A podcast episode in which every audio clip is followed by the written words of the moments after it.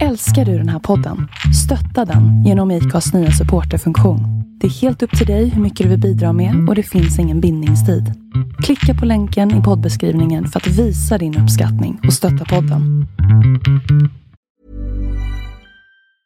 This Mother's Day, celebrate the extraordinary women in your life with a heartfelt gift from Blue Nile. Whether it's for your mom, a mother figure, or yourself as a mom, find that perfect piece to express your love and appreciation. Explore Blue Nile's exquisite pearls and mesmerizing gemstones that she's sure to love. Enjoy fast shipping options like guaranteed free shipping and returns. Make this Mother's Day unforgettable with a piece from Blue Nile. Right now, get up to 50% off at BlueNile.com. That's BlueNile.com. Hej, det här var Emil Nilsén. Välkomna till det senaste avsnittet av Vi måste prata som gästas av Claes Bernpaintner. Eh, hittade jag på nätet i någonting som heter Radio Mises som handlar om en frihetlig inställning till ekonomi. Det här är ett tungt avsnitt. Jag har lyssnat igenom det två gånger själv och jag fattar fortfarande inte hälften. Men ge det tid så lovar jag att du kommer ha en helt annan syn på ekonomi när du har lyssnat klart. Men först, upp på taket. Jag klättrar upp på ett nytt tak och gisses vad mycket större det här är än vi var på med Daniel förra veckan. Det sitter en hockeymålis här och ser finurlig ut. Ja men tjenare, Joar Nyman heter jag och jag är väl också en del av Solfamiljen, lika som Daniel. Du, hur många paneler är det vi tittar ut över här? Jag tänker inte räkna. Ja, nej jag har gjort det åt det så det är 1078 paneler precis. Det är jättemycket. Ja, men här går det åt mycket ström. Det är någon slags industri under våra fötter. Ja, precis, det stämmer. Det tyder på en viss flexibilitet från Solfamiljen då, om ni sätter upp den här på över 1000, men förra veckan var det 10. Ja, jo precis. Nej, vi monterar alla storlekar. Eh, Allt från 10 paneler på en villa upp till, ja, som den här anläggningen, strax över 1000 paneler på, en, på ett industritak. Så vi kör alla storlekar. Och vet du, när en drönare i luften och tog kort här, var kommer man kunna se det någonstans? Ja, de eh, bilderna kommer finnas på vår Instagram. Där heter vi Solfamiljen AB, så där kan ni gå in och kika. Efter att ni har varit inne och kikat på solfamiljen.se och läst allt om de här grabbarna. Åter till programmet.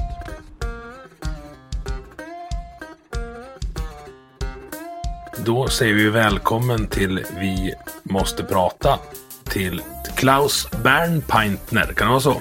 Perfekt. Det låter ju inte... Det är ju inte ett Johansson efternamn. Berätta, berätta vem är du? Eh, Jag är en eh, frihetsextremist. Eh, Mitt namn är från eh, Bayern, Sydtyskland. Mm. Och, eh, Jag har hållit på här i några år, tio år kanske. Jag funderar över frihetsfrågor av olika slag. I takt med att den eh, demokraturen utvecklas och blir allt mer kvävande och påträngande så har de här frågorna blivit viktigare och viktigare. Och eh, jag tittar gärna från ett ekonomiskt perspektiv, nationalekonomiskt perspektiv. Ja, för mycket, mycket om friheten, som vi, även ni som har lyssnat på tidigare avsnitt, handlar ju om, om ekonomi. Vi har ju ett, ett monetärt system som gör att vi byter pengar mot tjänster och varor. Och det, kan man ju, det blir svårt att undvika. Ja, det ska man inte undvika. Det är ett ganska bra system. Men eh, problemet eh, uppstår ju då när våldsmonopolet använder det här för att eh, suga ur befolkningen dess eh, arbete och välstånd via sedelpressen. Då, Mm. då blir det problem av många olika slag. Du är med och driver någonting som heter Mises-institutet. Jag tänkte att vi börjar där.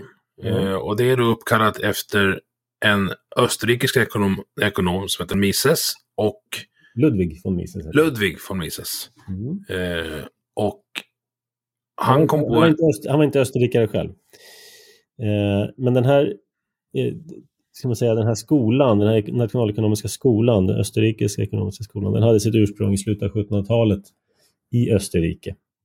Det var faktiskt en eh, österrikare då som heter Karl Menger som jag ska bara ställa den här plingplongaren här. Mm. Jo, som... eh, som grundar den här skolan för han funderade på hur priser uppstår. Det låter ju väldigt enkelt. Liksom. Det är klart att priser uppstår, men han, han ville kunna förklara priser. Eh, varför någonting kostar så här mycket och inte så där mycket. Eh, och det visade sig inte vara så enkelt. Nationalekonomin hade liksom kört fast i den här frågan. Och han eh, tog lite nya grepp och löste det här. Och sen ja, utvecklades den här ekonomiska teorin utifrån honom. Och sen eh, kom den här att föll, fölla, falla lite i glömska efter krigen. Eh, och då kom den här Ludwig von Mises och återupplivade den här teorin. Kan man säga. Mm. Om vi stannar lite där, hur, hur uppstår priser enligt den här teorin? Det finns en väldigt bra artikel som eh, faktiskt jag själv har skrivit. Ja. eh, som finns på eh, Ludvig von Mises, eller den finns på mises.se. Om man går in på första sidan där så, så står det om eh, vad är ekonomi. Och eh, den kan jag rekommendera. Den är lättläst, Eh, den kräver inga som helst förkunskaper och den är liksom, det är sunt förnuft och det är lite anekdoter i den. Så att folk brukar tycka att den är trevlig att läsa och de brukar säga aha, nu förstår jag. Eh, men priser uppstår så här att eh, det, det, man kan säga, man börjar med att det fanns två konkurrerande pristeorier. Den ena sa att priser uppstår efter vad någonting kostar att göra. Eh, om, om det är dyrt att tillverka någonting så kommer priset på den här grejen att vara dyr. Eh, om det är billigt att tillverka någonting så kommer priset på den här att vara lågt. Eh, den ena teorin, den, den kan vi omedelbart säga att den har problem därför att det, det kan, du kan göra ett modernt konstverk som tar dig fem minuter att göra och du kan sälja den för 10 miljoner. Du kan också bygga någonting väldigt avancerat och komplicerat som tar dig väldigt lång tid. Men så vill ingen ha det. Då är det värt nära noll. Så att, eh, bara för att någonting kostar mycket så betyder inte att priset ska vara högt. Det finns egentligen ingen koppling däremellan. Så det är den första teorin. Den andra pristeorin säger att om man har mycket nytta av någonting eh, då kommer det vara dyrt. Om man har lite nytta av någonting så kommer det vara billigt. Eh, det vill säga en, en liter vatten i öknen är, är värd mer än vad den är när den finns i kranen. Ja, exakt. Det låter ju rimligt. Det är också rimligt. Eh, problemet med den teorin är den, den är inte liksom eh, kvantitativ. Den säger bara mycket eller lite, mer eller mindre. Och den, den första teorin försökte ju vara kvantitativ. Om det kostar så här mycket att göra den här prylen så kommer priset bli summan av kostnaderna plus eh, vinsten till kapitalisten. Så den försöker som räkna fram ett pris. Den här andra teorin den säger bara att ja, det kan vara mer eller mindre. Men den säger inte hur mycket, så den förklarar egentligen inte heller priset. Mm. Ehm, så vad Menger, Karl Menger gjorde, han sa istället så här att eh, priset, han tog de här två teorierna och liksom vände dem lite grann bak och fram och satte ihop dem så kom han fram då till en, en, en bättre teori eh, som, som fungerar. Den säger att, uh, ska vi säga att jag säger det här på ett pedagogiskt sätt, um, människor har preferenser. De vill ha saker. Eh, och för att få någonting så är jag villig att offra någonting annat. Mm. Eh, och, och, det är liksom en, en, subjektiv egenskap hos en människa. Jag kanske är villig att offra mer av det där för att få en sak. Du kanske är villig att offra mindre för att få samma sak. Eh, men oavsett eh, så, så offrar jag någonting och uttrycker då en, eh, en efterfrågan på det där. Och säljaren Han försöker sälja, han försöker tjäna så mycket som möjligt på den här grejen. Så då försöker han testa olika priser för att se vilket pris tjänar han mest pengar. Mm. Uh, och sen ser han gensvaret då hos mig, hos dig. Jag vill ha det här mer än dig och du vill ha det mindre. Och, sen så, och alla andra har också en viss efterfrågan på det här. Men han försöker liksom hitta ett pris som lockar tillräckligt många eh, till ett tillräckligt bra vinst för att liksom, maximera sin vinst. Då. Och utifrån det pris han kommer fram till eh, när han testar marknaden så att säga. Det är det priset som blir. Så det har ingenting att göra med vad det kostar att tillverka eller hur mycket nytta man har av det här, för nytta är också subjektivt. Va?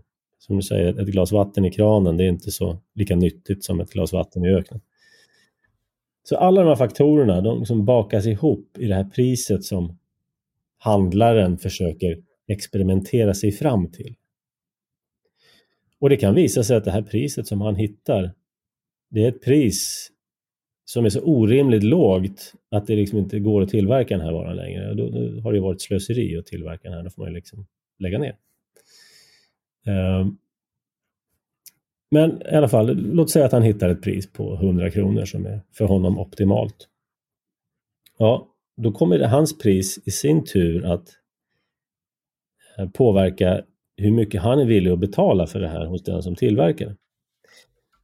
Och tillverkaren kommer att köpa råvaror och beroende på hur mycket de tjänar på att sälja det till handlaren så kommer de bjuda på råvarorna och så vidare. Så, så priserna går inte som i den här första teorin efter vad kostade det att tillverka den här och sen så går det fram till slutpriset. Det går tvärtom.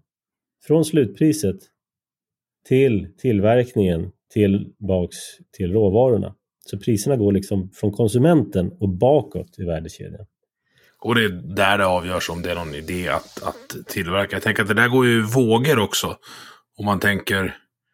Eh, finns det någon klassificering av olika varor? Jag försöker, försöker tänka ett exempel. Ja, men tänk eh, ridsadlar. Alla behövde ju ridsadlar för eh, 200 år sedan för att ta sig någonstans. För det var hästen som var det primära transportmedlet. Nu har det gått ifrån en vardagsvara till en lyxvara. Vilket gör att jag antar att priset förmodligen har gått upp på dem. För att det finns en mindre marknad, men den är också mer exklusiv. Och det reglerar ju då hur många som kan jobba med det. Precis. Så att i det här sättet att se på e- ekonomi, bara, bara frågan om priser, det här är en ganska revolutionerande tanke. Därför att normalt sett så säger folk ja men det är kapitalisterna som styr, liksom, om de höj, chockhöjer priserna så har vi inget val. Nej, fast i det här sättet att se på saker och ting så är det konsumenten som dikterar villkoren för eh, handlaren som i sin tur dikterar villkoren för producenten som i sin tur dikterar villkoren för eh, råvaruproducenterna. Eh, mm. Så att konsumenten är det som är kung i den österrikiska synen på ekonomi. Och eh, kapitalister och handlare, de är konsumenternas betjänter. Tjänare. Sen har du ju en tredje eh, aktör i det här, eh, som då är staten. Ja, det är ju liksom alltings perverterare om man säger då. Mm. Eh, för plötsligt så kommer staten in och tycker att ja men vad fina grejer ni har tillverkat som ni säljer till de där borta. Eh, det vill vi ha en del av. För vad då? Vad, vad har ni bidragit med? Nej men eh, vi, vi behöver det. Så att, eh, det, det, det, jag pratade om först var en fri marknad och nu pratar vi liksom om en, en reglerad marknad. Också, som vi har. Sen kan ju staten vara olika grad av aggressivitet. Eh, man kan ha en liten stat som inte lägger sig i allt för mycket och så kan man ha en stat som Sverige som lägger sig i väldigt mycket.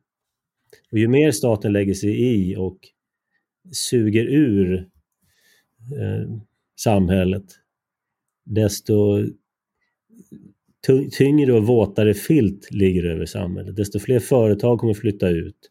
Desto fler, färre orkar starta och driva företag. Eh, och så vidare. och så vidare. Då. Och desto fattigare blir vi.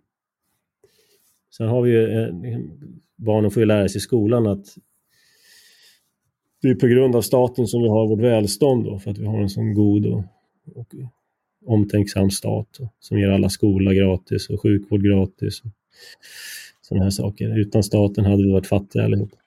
Så att, um... Jag anar på ditt tonfall att du inte riktigt håller med. Jag håller inte med, nej. Precis.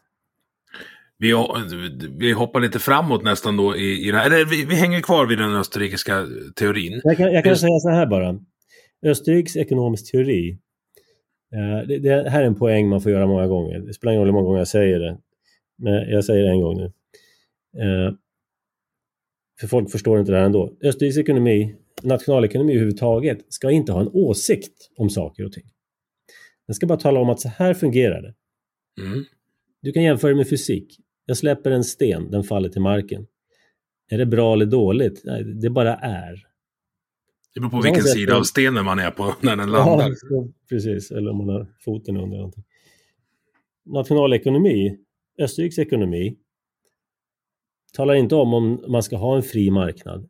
Det säger inte om staten ska blanda sig i eller inte. Det säger, inte, det säger ingenting om det ska ha höga eller låga skatter. Den bara säger att har man höga skatter då får man ett lägre välstånd. Har man tullar, då blir priserna högre och konsumenterna lider. Har man hårt reglerad arbetsmarknad, ja då får man arbetslöshet. Eh, så den bara säger vad konsekvenserna blir av saker och ting. Den säger inte att det är bra eller dåligt. Men du kan studera fysik och så kan du, bygga ett, kan du välja att bygga en atombomb eller ett kärnkraftverk med samma kunskaper. Fysiken bryr sig inte, den bara säger hur saker funkar. Och det här är samma med Österrikes nationalekonomi. Den talar inte om vad som är bra eller dåligt, bara hur saker och ting är. Men sen är det ju så att när man förstår hur saker fungerar, då kan man ju sen dra sina slutsatser om vilken typ av eh, stat man vill ha. Vill man ha en, en aggressivt parasiterande stat? Eller vill man ha ett hyfsat fritt samhälle?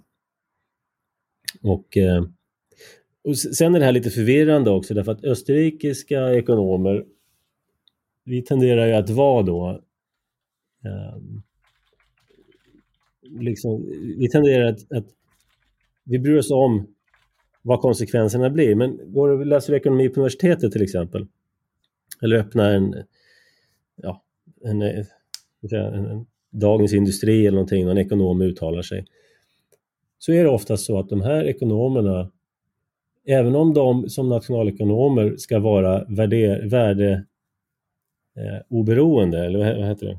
Konsekvensneutrala? Konsekvens, ja de ska bara tala om hur saker funkar. Så är det så att det är väldigt många av dem som gillar att blanda sig i politik och bli mm. rådgivare till politiker och säga gör så här, policymakare och så. Va? För det, det är prestige och sådär. Så, de gör gärna politik av sin, sina idéer. Eh, och Österrikes ekonomer, vi är inte intresserade av det. Vi, vi, vi drar konsekvensen att ja, ett, det blir ett sämre samhälle ju mer staten blandar sig i. Och därför förknippar man oftast Österrikes ekonomi med frimarknadsförespråkare. Även om teorin i sig inte eh, har några värderingar. Men vi som har studerat den vi tenderar att bli frimarknadsextremister. Därför att vi tycker att det blir ett bättre och rikare samhälle och människor blir friare. Så. Kan det vara en av orsakerna till att det här inte har nått så stor allmänkunskap eller fått så stort genomslag som man kanske, eller som jag antar att du tycker att det borde ha? Att det är för ja, stramt, eller vad ska man säga? Nej, men om, du, om du är stat och du äger alla universitet och högskolor i Sverige. Mm. Eh, vill du då att dina studenter ska få lära sig att... Eh, att det är dumt att du äger skolorna? Ja, precis. Nej, det, det... Eller vill du att de ska tro att du, du är det bästa som finns och mest omtänksamma som finns i hela världen? Så att staten Nej, det... har inget intresse av att människor lär sig sånt här. Nej, och de enda som, alltså jag tänker de som är inne i staten och ser att vänta nu, eh, det här fungerar ju inte. Det de enda som skulle kunna slå larm av det är de som kommer bli av med jobben om, om man ändrar på systemet. det låter ju lite dystopiskt eh, så, men hur... Eh, om vi har samma... Eller så här, finns det mer till öst? Jag antar att det finns mer, men finns det något mer... Eh, vad ska jag säga? Grundläggande som vi måste ha innan vi släpper liksom den teoretiska delen. När vi pratar priser, eh, vad finns det mer för ben i den österrikiska ekonomiska teorin? Ja, allting utgår ju från priser, men eh, en annan eh, sak som vi brukar tala väldigt mycket om eh, är det här problemet med eh, banksystemet och särskilt då centralbanker. Ehm, därför att de flesta människor, även om de pluggar på universitetet, de funderar liksom inte över det här med centralbanker. Man bara tar dem för givet. Klart att man har en centralbank. Vi har, liksom, vi har rinnande vatten och vi har el i våra hus. Klart att vi har en centralbank. Det är inget u-land heller. Och så tänker man att den här centralbanken, det är på något sätt höjden av det är kapitalismens högborg på något sätt. Eh, I själva verket så är centralbanken en marxistisk institution. Det Har ingenting med kapitalism att göra. Ingenting med fria marknader att göra. Eh, läser man det kommunistiska manifestet så finns det, räknar Marx upp tio punkter där, där han tycker att det här vore lite bra grejer att göra för att förverkliga den kommunistiska utopin. En av de punkterna är att vi inför en... Eh, vi centraliserar all kredit till staten och inrättar en statlig bank. Det är centralbanken. Eh, och vad gör centralbanken? Jo, i Sverige så säger centralbanken, centralbankslagen att den har två uppgifter. Det ena är att säkerställa ett betalningssystem eh, vilket vem som helst kan bygga idag. Alla kan bygga ett, liksom ett betalningssystem och mycket av betalningarna sköts ju ändå i privata nätverk idag. Så där kan vi ju stryka det som en, en anledning till att ha en centralbank. Det andra är att säkerställa ett, eh, ett stabilt penningvärde. Ett stabilt penningvärde är ett penningvärde med inflation noll. Alltså priserna ligger stilla, då har du ett stabilt penningvärde. Mm. Centralbanken det är väl inte önskvärt? Som... Nej, jag tycker inte det är önskvärt. Eh, men ännu värre, jag, jag vill att priserna ska falla. Eh, därför att i en växande ekonomi, en fri växande ekonomi, då faller priserna hela tiden. Och det är helt sunt och bra. Eh, I takt med att vår produktionsprocesser blir effektivare och vi får bättre maskiner och bättre teknik, så då ska priserna falla. Eh, men enligt centralbanken så tolkar de det här med, för det första att, att, man, att man skulle vilja ha ett stabilt penningvärde, det, det, ur det perspektivet är det fel, därför att vi ska ha ett ökande penningvärde. Priserna ska fa borde falla. Eh, så redan där är det fel, men värre än så. Riksbanken tolkar den här lagen som att nej, men vi måste ha 2% inflation. Stabilt penningvärde tolkar de alltså som en urholkning av valutans värde, köpkraft, med 2% 2% aggregerat över liksom lång tid, det är ganska mycket ändå. För den som ska spara sin pension så är 2% per år, och blir 30, 30 år tror jag, så halverar du pengarnas värde. Mm. Eh, så att, de motiverar också de här 2 procenten. Det är som att dra en kanin ur en hatt, men de säger det är 2% är det rätta värdet därför att det är tillräckligt lågt för att ingen ska bry sig. Eh, men som sagt, sparar du till din pension och får pengarna halverade på 30 år så är det klart man bryr sig. Eh, det ska vara tillräckligt, högt, tillräckligt lågt för att ingen ska bry sig och tillräckligt högt för att undvika mätfel, säger de. Det är tydligen svårare att mäta noll än två eh, med deras linjaler. Noll är ju en absolut, så, så, det, borde inte, det borde inte vara så svårt att, att hålla. Ja. Nej. Men det de menar är att de vill ha marginal till eh, deflation. För i deras värld, eh, dagens ekonomi bygger på en handfull totalt felaktiga uppfattningar. Den ena är att deflation skulle vara skadligt. Att fallande priser skulle vara skadligt. Eh, och därför ser centralbanken som sin uppgift att förhindra att priserna faller. Det är nämligen så här att en ekonomisk kris, alla ekonomiska kriser skapas av centralbanker. När krisen bryter ut, då ser man att priserna faller därför att människor håller i sina pengar därför att de kanske inte har något jobb nästa månad. Då vill man buffra lite grann. När människorna slutar handla, då måste handlarna rea ut varorna och sälja dem billigare. Så då faller priserna. Så ekonomisk kris ser du i samband med, eh, då ser du också fallande priser. Men logikerna på, på centralbanken, de säger så här, aha, fallande priser orsakar ekonomisk kris. Ja, de ser inte vad som är hönan eller ägget helt enkelt. Exakt, de sätter eh, vagnen före hästen här. Va? Istället för att krisen orsakar fallande priser för att människorna slutar handla så tror de att, att människorna slutar handla det beror på att eh, priserna faller. Därför att, jag menar om du ser att potatisarna är billigare nästa månad än vad de är idag, ja det är klart, då kommer du inte, ä- du kommer du inte handla på en månad, eller hur? För det är billigare nästa månad. Och nästa månad så inser du att vänta nu, om en månad så är maten ännu billigare, så jag, jag köper ingen mat den här månaden heller. Det är deras logik alltså. Eh, det är klart att man handlar även om priserna faller. Men I varje fall det, det som är nödvändigt. Men jag, jag tänker att i vissa, vissa delar av marknaden så har vi ju de här effekterna. Jag tänker på den här 18 månaders halveringen av priser på, på eh, vad är det, kiseltransistorer va? I, i, i processorer och annan, annan datakraft, minnen och så. Där faller ju priserna konstant. Ja, och ändå, och ändå så köps det elektronik. Jo, men sen man vet ju att det kommer en iPhone 13, fast man vill ändå ha 12 när den kommer. Mm. Av någon anledning. Ja. Så det här är en total missförstånd av hur en ekonomi fungerar, men det är alltså en av grundpelarna i centralbankernas eh, världsuppfattning. Och det här är inte bara i Sverige, alltså det är, det är, nästan alla länder har ju en centralbank. Ja, ja. Eh, jobbar alla lika då, menar du, med det här inflationsmålet på runt 2% Alla centralbanker jobbar dessutom ihop i ett globalistiskt nätverk under överinsyn av eh, några globalistiska institutioner som Bank for International Settlements och eh, Interna Interna Internationella valutafonden.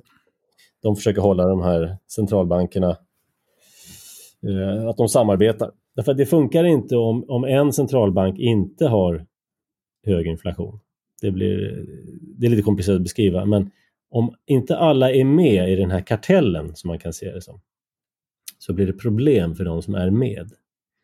Det gäller att vara liksom solidariskt eh, ja, driva solidarisk inflationspolitik, det vill säga inte lägre än någon annan.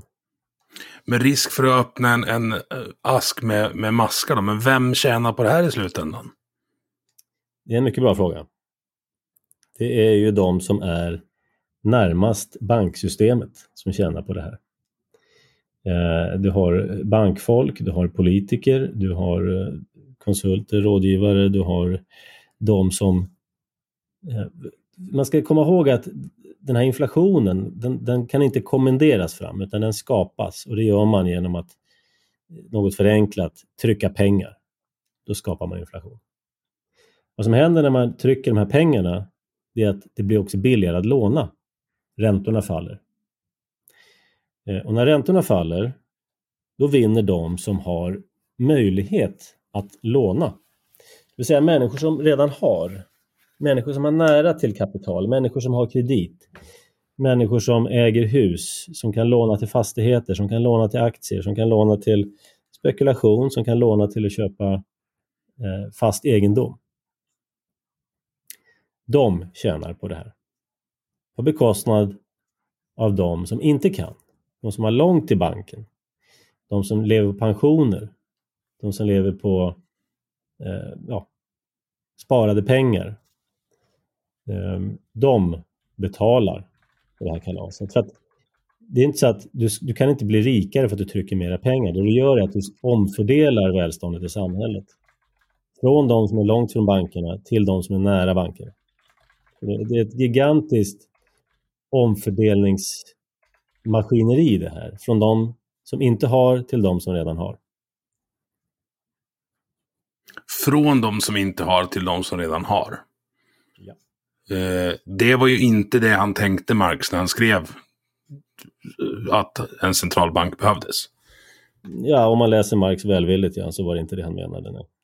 Ja, jag har svårt att läsa honom välvilligt, men ja, ja nej. Eller så visste han vad han förespråkade. Alltså, kommunismen har ju aldrig varit för människans bästa. Eh, men i alla fall, om, om man nu läser Marx välvilligt att han, att han ville folket väl genom att centralisera krediten till staten, eh, så är det i alla fall inte den effekten som uppnås med det här. För det här är alltså ett gigantiskt, systematiskt eh, bedrägeri som bedrivs på global skala.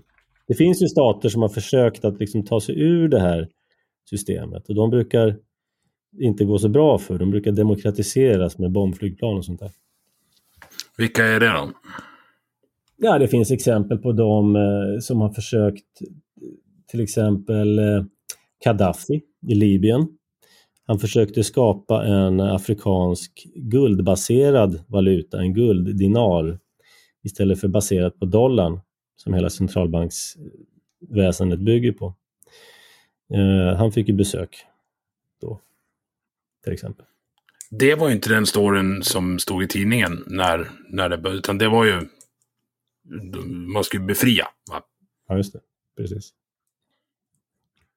Det är det som brukar stå i tidningen. Ja, du får ju känna, det där låter lite konspirationsteoretiskt, men jag har ju lyssnat på det lite. Du brukar ha på fötterna när du, när du pratar om saker och ting. Ja, jo, jo. Nej, men det, det, det finns många sådana här historier om eh, centralbanker. Alla, jag brukar säga att alla centralbanker är födda i synd.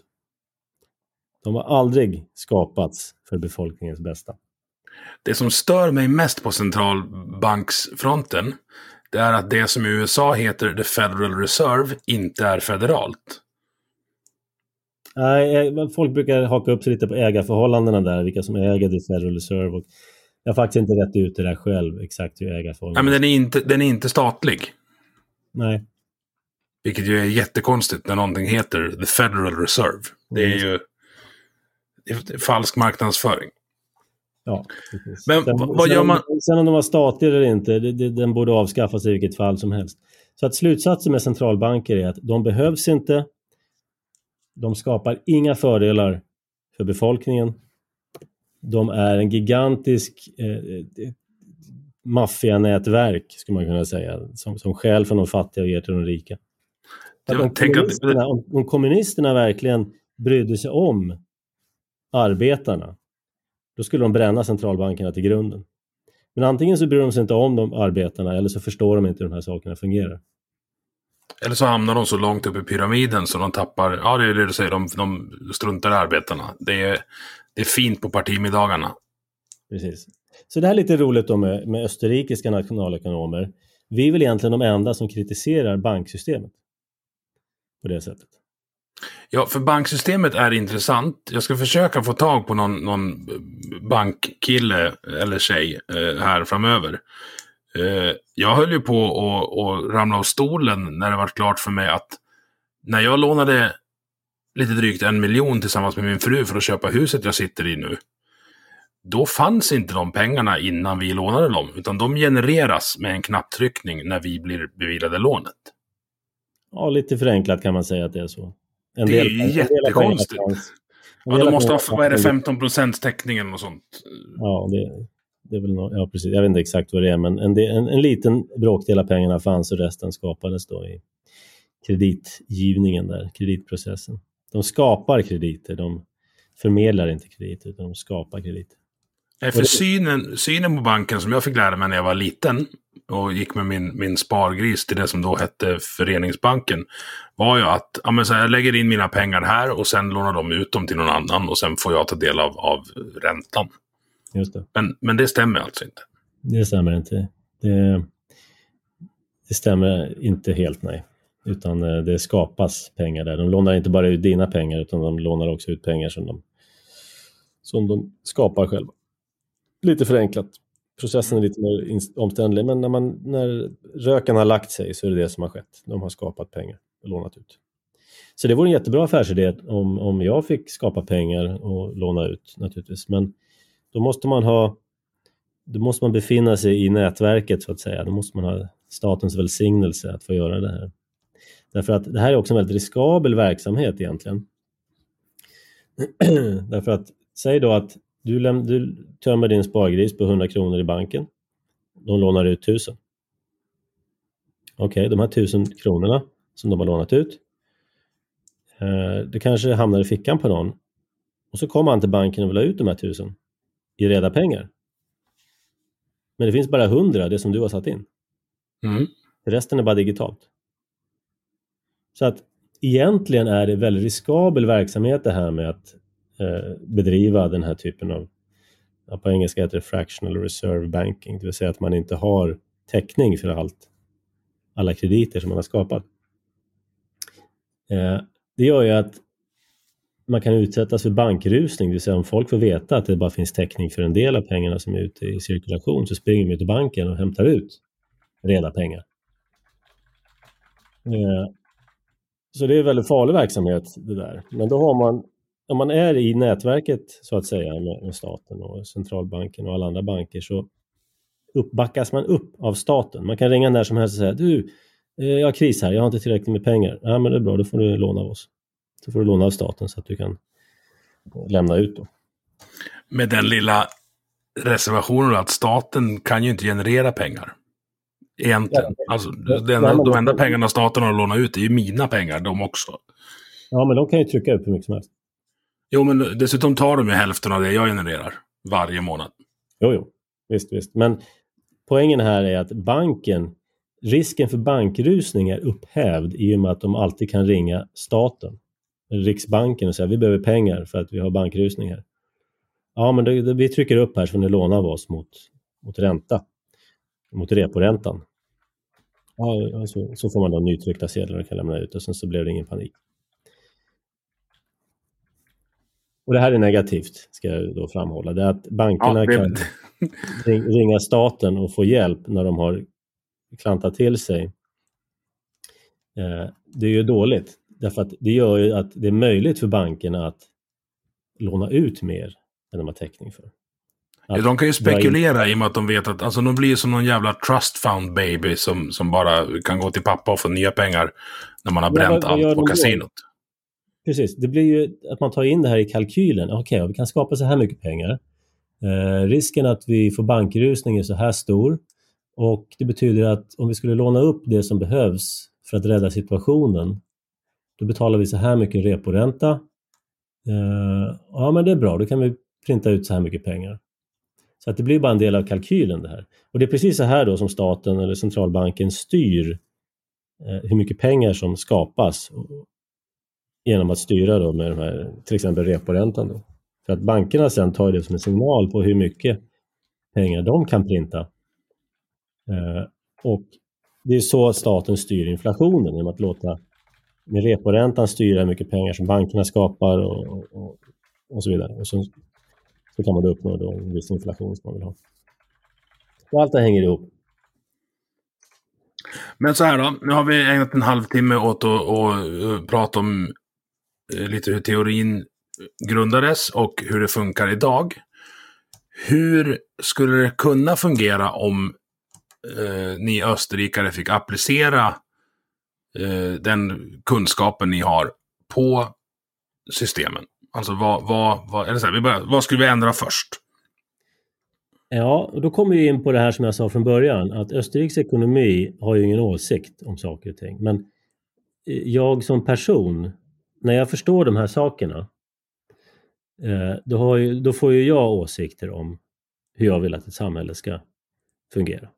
Och du graviterar mot det frihetliga. Finns det österrikare som, som graviterar, eller som, som, som inte blir vad ska jag säga, libertarianer eller liberaler när de, när de har förstått det här? Eh, ni, hamnar ni i samma hörna allihop? De, de flesta hamnar i den här hörnan. Jag vet ingen som har blivit liksom kommunist eller någonting efter att ha fått de här insikterna. Eh, men teoretiskt är det väl möjligt att det, det finns sådana också. Eh, man skulle kunna vara ondskefull och använda de här kunskaperna för att ja, om man säger så här, de som kör centralbankerna och som sitter i toppen. Jag ska säga så här, de flesta som sitter i bankväsendet, de förstår inte de här grejerna. De, de spelar inte. spelet bara enligt reglerna de har blivit ja, de har, lärda. De har lärt sig så här och det är så här regelverket ser ut och så tänker de inte mer på det. Och det där går väldigt högt upp i organisationen. De flesta begriper inte. De de är nyttiga idioter. Alltså det är ett uttryck, jag säger inte att de är idioter, men en nyttig idiot är ju någon som gör någonting som han tror är bra, som i själva verket är skadligt. Och som får väldigt bra betalt för det då, ju längre upp du är. Ja, och då behöver man inte fundera på det. Jag får ju bra betalt. Jag måste ju vara bra på mitt jobb och göra säkert nytta. Liksom. Men någonstans i toppen, ganska högt upp, så sitter det folk som förstår sådana här saker och vet att utnyttja det. Ehm, så att det är ju ett väldigt bra sätt. Här till exempel, ett tips om du vill ta över världen, så kan du göra så här att du startar en centralbank och så lån, sänker du räntan, du printar pengar som en galning, sänker räntan, lockar människor till billiga lån. De köper hus, de köper konsumentvaror, bilar för de här billiga pengarna. Eh, och sen när krisen bryter ut, vilket den alltid gör efter sån här inflation, då så eh, har du ju staten i ryggen. Och med staten i ryggen kan du säga, okej okay, bra, lämna över dina hus, lämna över dina bilar, lämna över din egendom. Eh, hade du inte staten i ryggen så hade de sagt så här, ja det här huset som jag har, eh, jag kan inte betala, tyvärr. så var det inte mer med den saken. Nej. För det, det, finns ingen som kan driva in det. Men när du har staten i ryggen så är det bara att säga, du de där kan inte betala, driv in det åt mig. Okej, okay. och då, då, gör staten det åt dig. Uh, så det, det, är ett väldigt bra sätt att ta över företag och hus och egendomar. Att starta en centralbank och uh, jobba tillsammans med våldsmonopolet. Så. Bara ett tips. Ja, men hur, hur gör vi för att undvika det här då? Alltså om, om, nu är ju du frihetlig, men om jag tvingar dig att vara envåldshärskare över i varje fall Sverige i tio år. Mm. Hur, skulle du, hur skulle du jobba för att, för att befria Sverige från dessa bojor som du har beskrivit?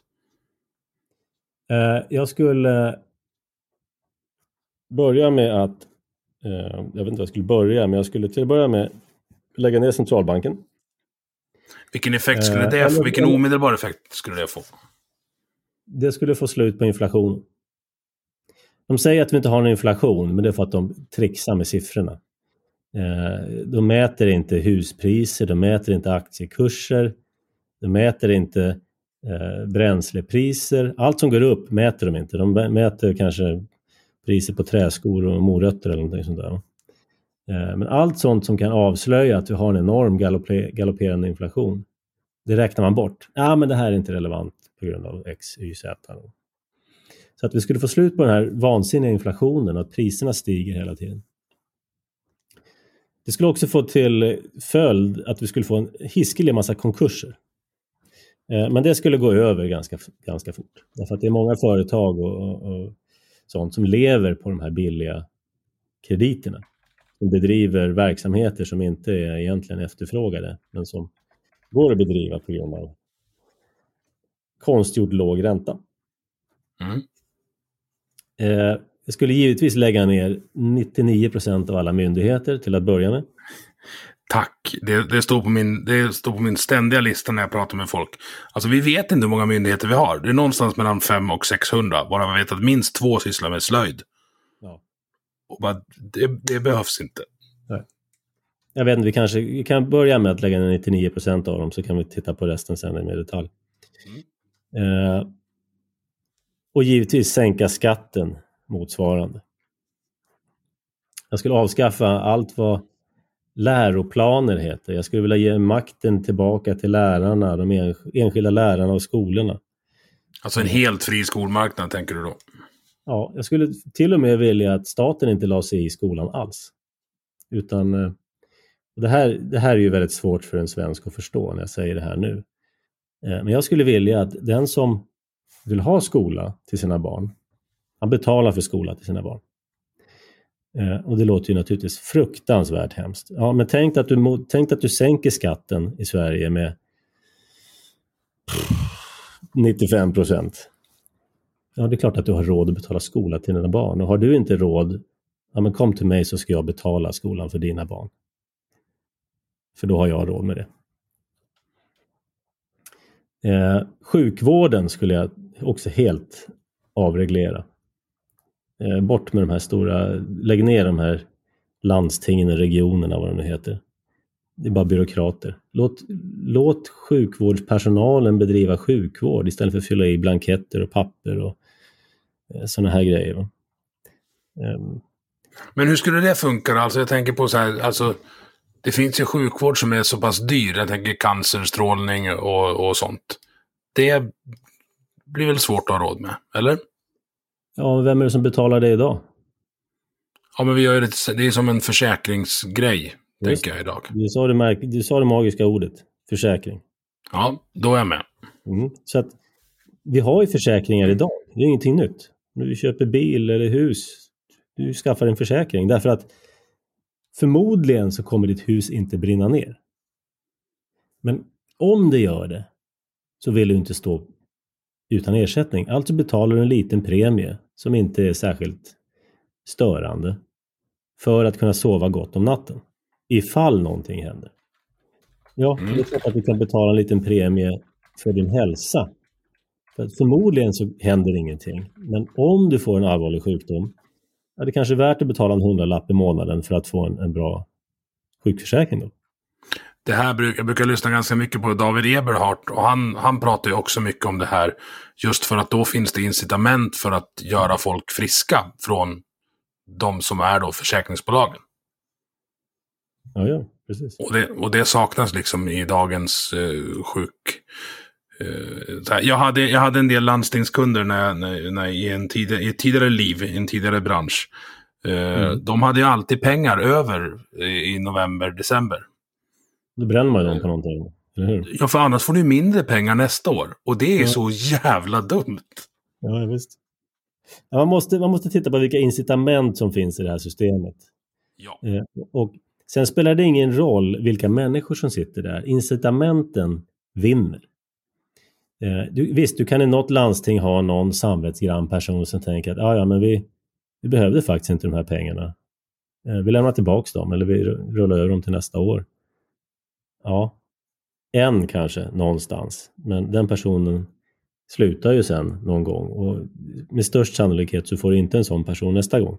Så att incitamenten är bra mycket betydelsefullare än vilka individer som för tillfället sitter på en viss post.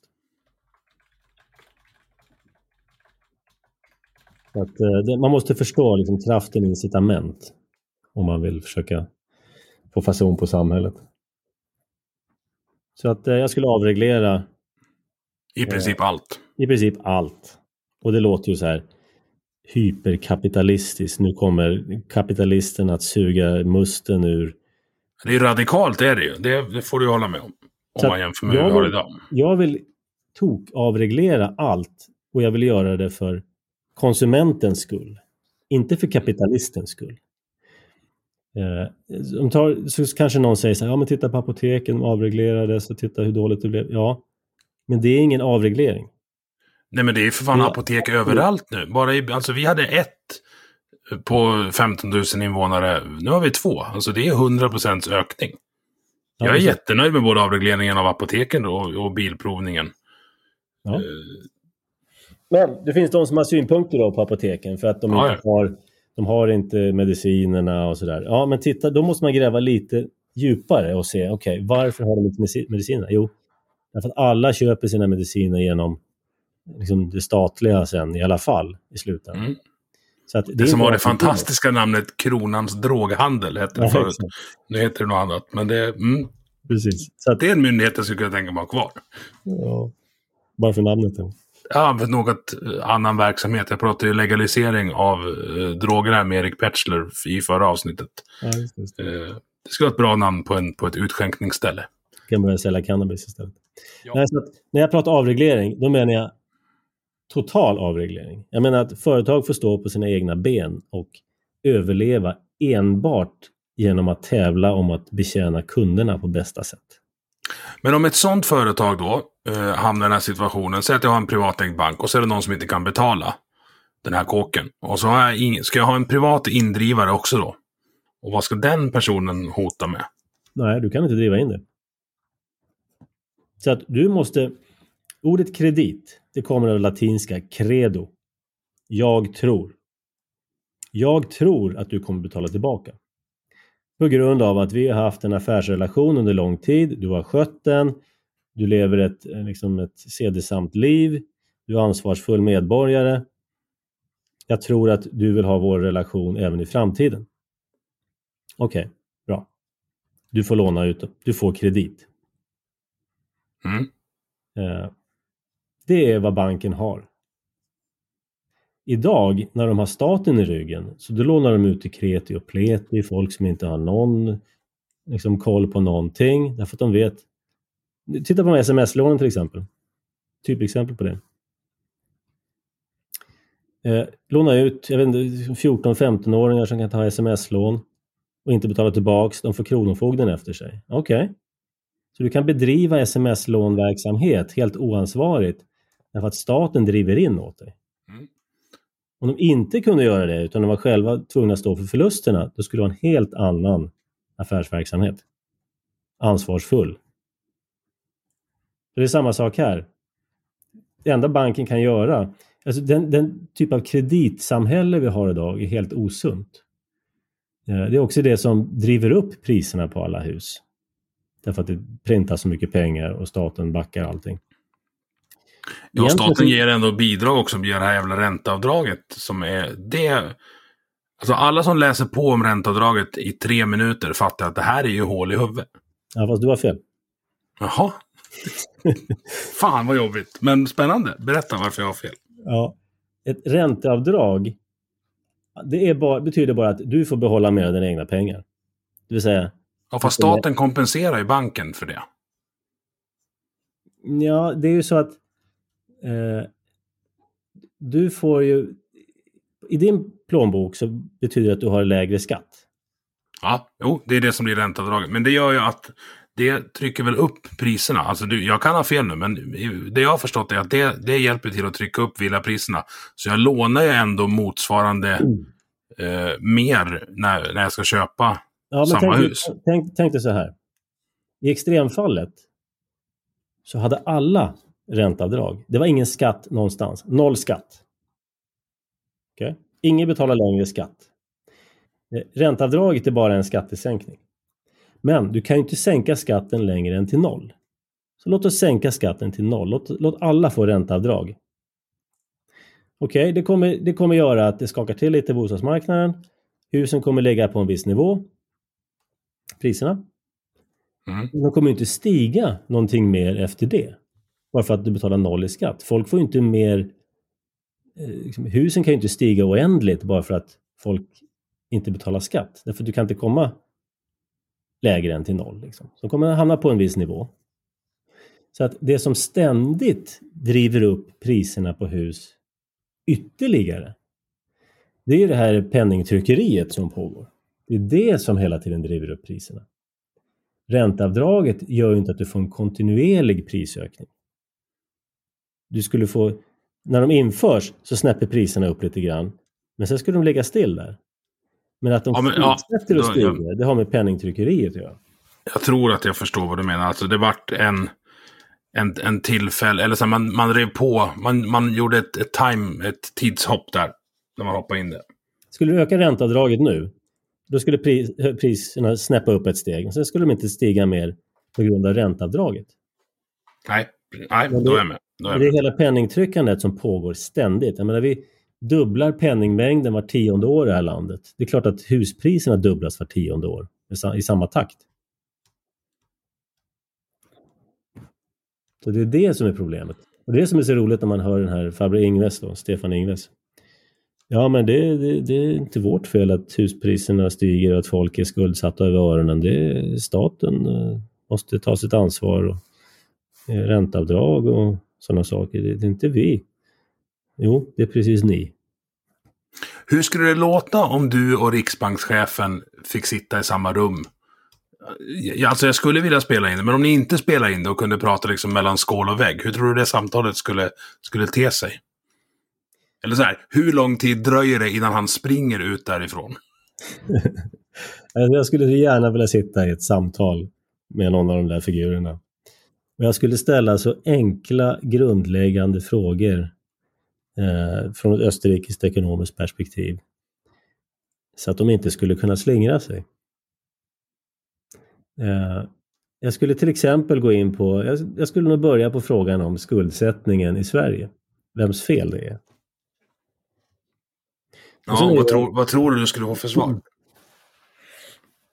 Eh, jag tror jag skulle få svar att eh, Eh, det är en... Eh, man talar ju om penningpolitik och eh, eh, finanspolitik. Finanspolitik är skatter, penningpolitik är ju räntemanipulationer via Riksbanken. Jag tror att man skulle skylla på finanspolitiken. Säga att ja, vi måste, ja, det är andra delar av staten som, som är skuld till det här som gör att folk har för mycket Eh, möjlighet. Och måste reglera, staten måste reglera hur mycket man får låna. Bolånetak och sådana här grejer. Avbetalnings, amorteringskrav och sånt där måste införas och sånt. Det är det som är problemet säger man då. Men då skulle jag ju säga att eh, liksom, ja, hur skulle det se ut? Skulle inte människor frivilligt amortera eh, om, det, om räntorna låg på kanske 6-7 procent, 8-10 som de borde göra? Klart att människor frivilligt skulle amortera. Ja, för att, det, för att de kan tänka långsiktigt. Och bankerna skulle kräva att människor amorterade om de inte hade staten i ryggen.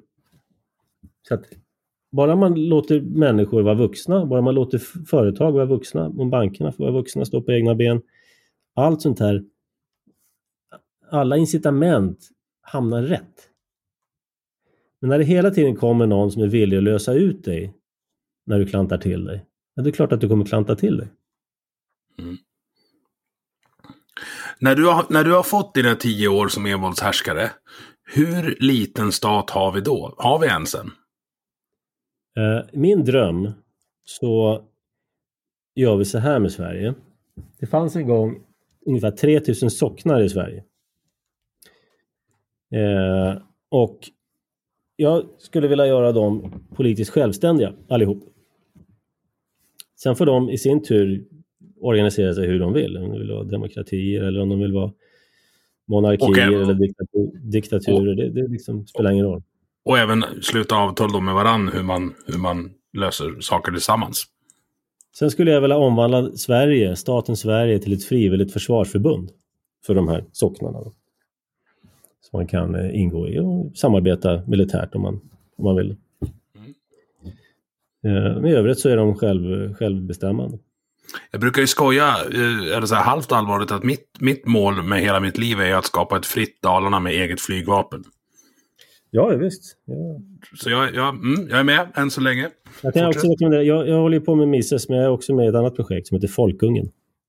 Mm -hmm. Som du kan kolla på det. Folkungen.se. Ja, det ska och, vi kika på. Eh, där pratar vi då om eh, folkungarna som var på 1200-talet eh, en grupp som motverkade centraliseringen av Sverige, bildandet. Birger Jarl kom ju där och ville liksom bygga ett centralstyrt Sverige. Och folkungarna då i Uppland, de ville vara, fortsätta vara sina egna, vara självständiga, välja och vraka sin egen kung och inte beskatta sig och, sådär. Mm. Eh, men så kom ju då stadsbyggaren, Sveriges grundare, Birger Jarl, han hade andra åsikter. Krossade folkungaupproret. Men i alla fall, så att där, där driver vi den, det idealet med ett extremt decentraliserat och eh, självstyrande Sverige. Eh, delar av Sverige, Sockne. Det är mitt drömscenario. Det skulle jag göra på tio år. Ja, det ska jag, det, nu har vi pratat en timme, men det där ska vi prata mer om. Ja. Om, du ork, om du orkar med mig en gång, en gång till någon gång, någon gång framöver. Absolut. Men du, du sa det här eh, att ni ser på ekonomi som, som en vetenskap, som, alltså en vetenskapsgren, som ett stam, stamfält egentligen, som, som fysik. Att släpper man en sten så är det så. Jag skulle vilja avsluta med att, att kasta några ord på dig eh, och höra vad, eh, kanske inte den österrikiska teorin, utan vad Klas, alltså nu, nu ber jag dig att ha åsikter. Jag lyssnade på, jag kommer inte ihåg vilken podd var med, men du pratade om minimilöner någonstans. Ja. Undrar om det kan ha varit med Jannik? Kan det ha varit det? Ja, jag, jag får lyssna, lyssna reda på det sen. Men så här, vad händer om vi inför minimilöner? För det är ju på tal nu, både på Sverige-nivå och EU-nivå. Mm. Då skapar vi arbetslöshet. Och det får jag inte ihop. Berätta hur det går till. Okej. Okay. Om vi, enkelt, inför en minimilön på 1000 kronor per timme. Då kommer ingen att anställa någon. Nej, det är... Precis. Inför den på 100 kronor per timme. Eh, ja, jag har hemma på min gård har jag, jag skulle kunna lätt sysselsätta 100 pers med grejer som behöver göras. Men jag kan inte göra det till de löner som facket kräver. Eller under de förhållanden som facket kräver. Jag kanske skulle kunna erbjuda 50 kronor timmer för att gräva lite gropar och jämna ut lite på, liksom, på marken och sådär. Mm. Eh, och det skulle finnas folk som idag inte gör någonting som skulle kunna ta det jobbet för 50 spänn i timmen. Men vi får, jag, får inte, jag får inte anlita dem. På grund av minimilöner eller fackliga krav eller, eller sånt. Så att alltså blir det ingenting gjort, de får ingenting, istället så får de leva på skattemedel. Mm. Så att okej, okay, inför en minimilön på 100 kronor, det skulle få minimal skada. Därför att det finns ingen som jobbar för, 100, eller för en krona. Så jag, nej, inför minimilön på en krona så skulle det få minimal skada för det finns väl ingen som jobbar för en krona timmen. Men med accelererad skada ju högre minimilön man sätter alltså? Precis. Sätter du den på 50 då kommer det börja falla ut folk. Sätter du den på 100 då faller det ut ännu flera. Sätter du, sätter du den på 150 så faller det ut ännu flera jobb som inte kan utföras längre, som inte längre är lönsamma. Sätter du den på 500 då är det väldigt många jobb som inte längre blir lönsamma och så vidare. Mm. Så att, Men i, i, din värld då, eh, med socknarna, hur tar vi hand om de här människorna som inte är produktiva? Du tänker att har man ingen minimilön så kan alla bli produktiva? Ja, i stort sett alla, nästan alla. Det är väl någon, någon bråkdel av någon promille som inte kan försörja sig med ens ett väldigt enkelt jobb. Ja, de får man ju ta hand om då. Dels i första hand är det familjens ansvar. I andra hand så får man hjälpas åt i socknen. Man hade ju förr i världen fattigstugor och det låter ju väldigt hemskt. Oj, fattigt. Ja, men det var ju liksom den tidens, med de resurser man hade, eh, så kallades det för fattigstugor. Idag kan vi kalla det för ja, servicestugor eller någonting. Att man gemensamt i socknen tog hand om sina eh, svaga. Det har ju människor gjort i alla tider. Man har ju alltid velat ta hand om sina, sina egna, de, de nära. Mm. Så det är ju inga konstigheter. Alla dessa människor som säger så här, oj vad hemskt det skulle vara om vi avskaffade den skattefinansierade välfärdsstaten för ingen skulle hjälpa till. Ja, men skulle du hjälpa till? Du som tycker det är så hemskt, brukar jag fråga då. Ja, ja, jag skulle hjälpa till. Jag kan lova att alla, bara de människor som jag har sagt, som jag har träffat, som tycker det är så hemskt, men som personligen själva skulle hjälpa till, skulle förmodligen räcka för att driva det ganska minimala behovet som egentligen finns. Sen är det ju, alltså det här med fattigdom är också ett begrepp som jag, jag kan, kan hänga upp mig på. För alltså de, de som är fattiga i Sverige, alltså till att börja med, det finns något som kallas för existensminimum. Mm. Jag har dragit igång som egen företagare ett par gånger och varit anställd omgångar. Alltså första året som egen företagare, man är ju så jävla långt under existensminimum med de pengarna man drar in. Och man ser till att klara sig ändå. Ja, så existensminimum, det är ju, det är ju ett hittepå. Ja, visst. Och de som är fattiga, i varje fall i ja, men, säg Sverige, Norden, norra Europa idag. Ja. 99 procent av dem har ju platt-tv och iPhone. Ja, visst. Kanske inte iPhone 12, men 6 i alla fall. Ja, det ingår väl nästan i existensminimum nu till. Var ska du annars ha ditt eh, vaccinationspass? mm, nu, alltså här, jag tänkte avsluta med det att du kliver ju på rätt hårt. Eh, eller hela Mises, Mises-institutet på Twitter är bland de mest underhållande konton jag har. För ni backar fan inte för något. Ja, just det. Uh, nu vet jag inte hur mycket du är och, du är och, och skriver där, men, men kudos till det. För jag tycker, jag tycker att... Uh, jag gillar ju Jordan B. Peterson när han säger att Alltså har du inte gjort något fel så be för helvete inte om ursäkt. Nej, nej, precis. Och det tycker jag, alltså stå för det du gör, säg vad du tycker och håll det du lovar. Skulle, det skulle bli ganska, jag tror att det skulle bli bra samhälle om man, om man körde på det. Mm. Men jag antar att du då och då blir anklagad för att torgföra konspirationsteorier. Vad brukar folk anklaga dig för? Eh, egentligen inte så mycket konspirationsteorier jag blir anklagad för. Det vi blir anklagade för är väl att leva i någon fantasivärld och tro att som, där vi tror att människor kan liksom klara sig själva och vara vuxna. Och ta ansvar för sitt eget liv. Det är väl det jag brukar anklagas för. Ibland att vi är hjärtlösa. Um, och, och vi tror att när vi tror att människor är omtänksamma med sina närmaste, även om inte staten skulle bjuda på all denna godhet och kärlek då. Du lägger ju in en taftologi där. Alltså, du, du bäddar ju upp för den, så att bli anklagad för att vara hjärtlös när man tror att folk är omtänksamma. Det är roligt på ja, riktigt. Det, ja.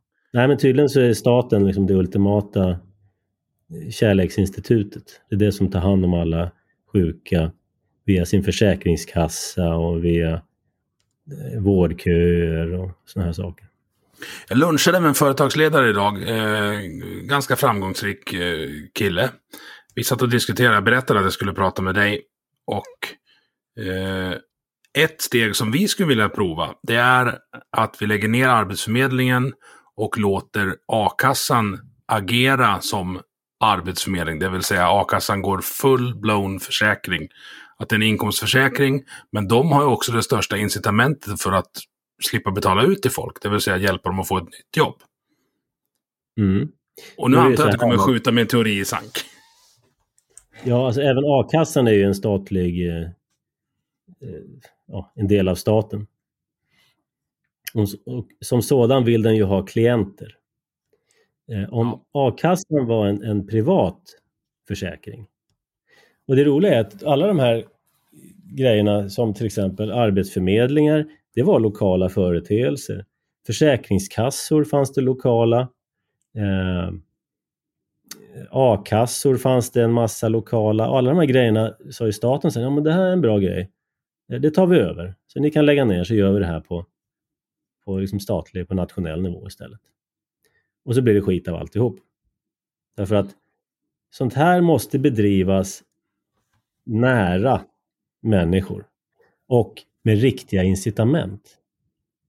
Staten har inga incitament av att sätta folk, att göra folk självförsörjande och liksom kritiskt tänkande vuxna människor. Den vill ha klienter som röstar därför att de får, de får pengar. Så återigen det som jag sa tidigare, man måste förstå incitamenten. Att förstå. Förstår man incitamenten då vet man åt vilket håll samhället kommer utvecklas. Väldigt lätt att förutspå framtiden och man kan bara på ett nyktert sätt identifiera incitamenten. Då vet man vart saker och ting kommer gå. Då avslutar vi det här med att du får sammanfatta på en hisspitch. Då. Vart, vart är vi på väg? Hur ser du på framtiden? Eh, jag ser... Eh, jag, jag tror på människans överlevnad, men det system vi har, eh, det är på väg mot kollaps. Och det är bra. Det är positivt. För jag gillar inte det system vi har idag. För det behandlar inte människor som vuxna. Utan, men det låter som att det kan bli lite stökigt ett tag. Det kommer bli stökigt, men det kommer inte komma undan. Så att det, det, ska vi riva av plåstret fort eller långsamt? Jag hoppas vi kan riva av det fort. Jag hoppas på en jag hoppas på en, för folkets skull så hoppas jag på en rejäl ekonomisk kollaps. Och det är återigen inte för att jag är hjärtlös utan därför att jag, jag är förälder. Jag vet vad mina barn behöver. De behöver lära sig konsekvenser. När de gör någonting dumt, då måste de få känna konsekvenserna av det för att lära sig. Eh, och så ser jag också på Sveriges befolkning. Vi har varit dumma, eller naiva som vissa säger. Och vi måste som, som vissa säger många gånger i rad utan att det blir någon konsekvens. Precis, vi måste känna konsekvenser. Och bara för att avrunda med det jag sa tidigare. I ett litet sammanhang, i en socken, där har du en, en väldigt kraftig återkopplingsfunktion. Du känner väldigt fort om du gör någonting bra eller om du gör någonting dåligt. Till exempel i en socken, säg att du har 500 personer. Skulle du i den socknen lyckas få igenom att ta in till exempel 100 invandrare från säg Afrika och socknen skulle betala för de här. Du skulle väldigt fort få återkoppling och känna att det här var kanske ingen bra idé. Men i ett stort sammanhang där besluten fattas långt ifrån och finansieras genom omvägar ja då kan, då kan svenska staten sätta 100 afrikanska invandrare i din by. Och konsekvenserna känns inte omedelbart på det sättet, för att pengarna kommer någon annanstans ifrån.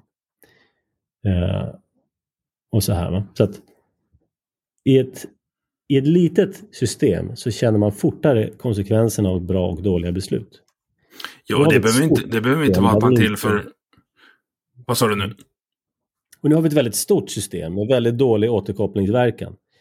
Men vi måste, behöva känna, vi måste få känna konsekvenserna av vad vi har liksom, satt oss i.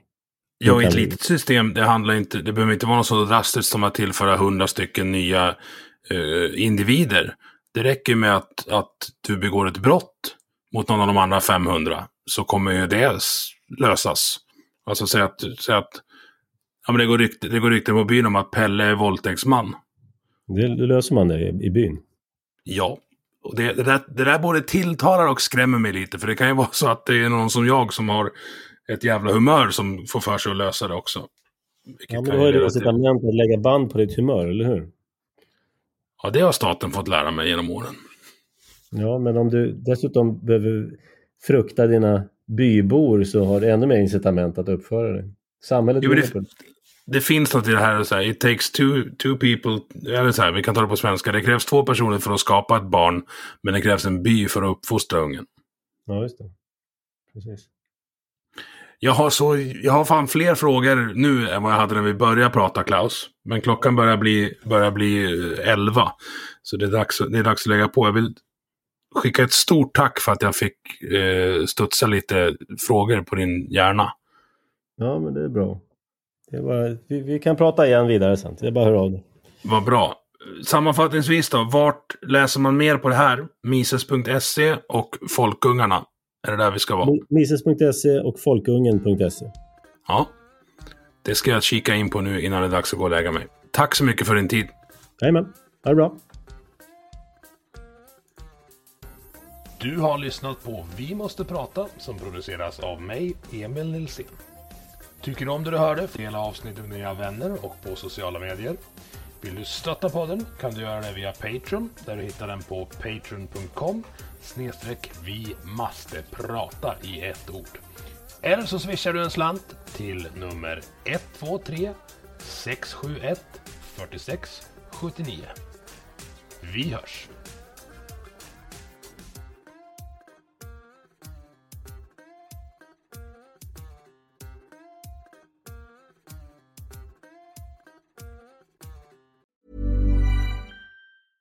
Even when we're on a budget, we still deserve nice things.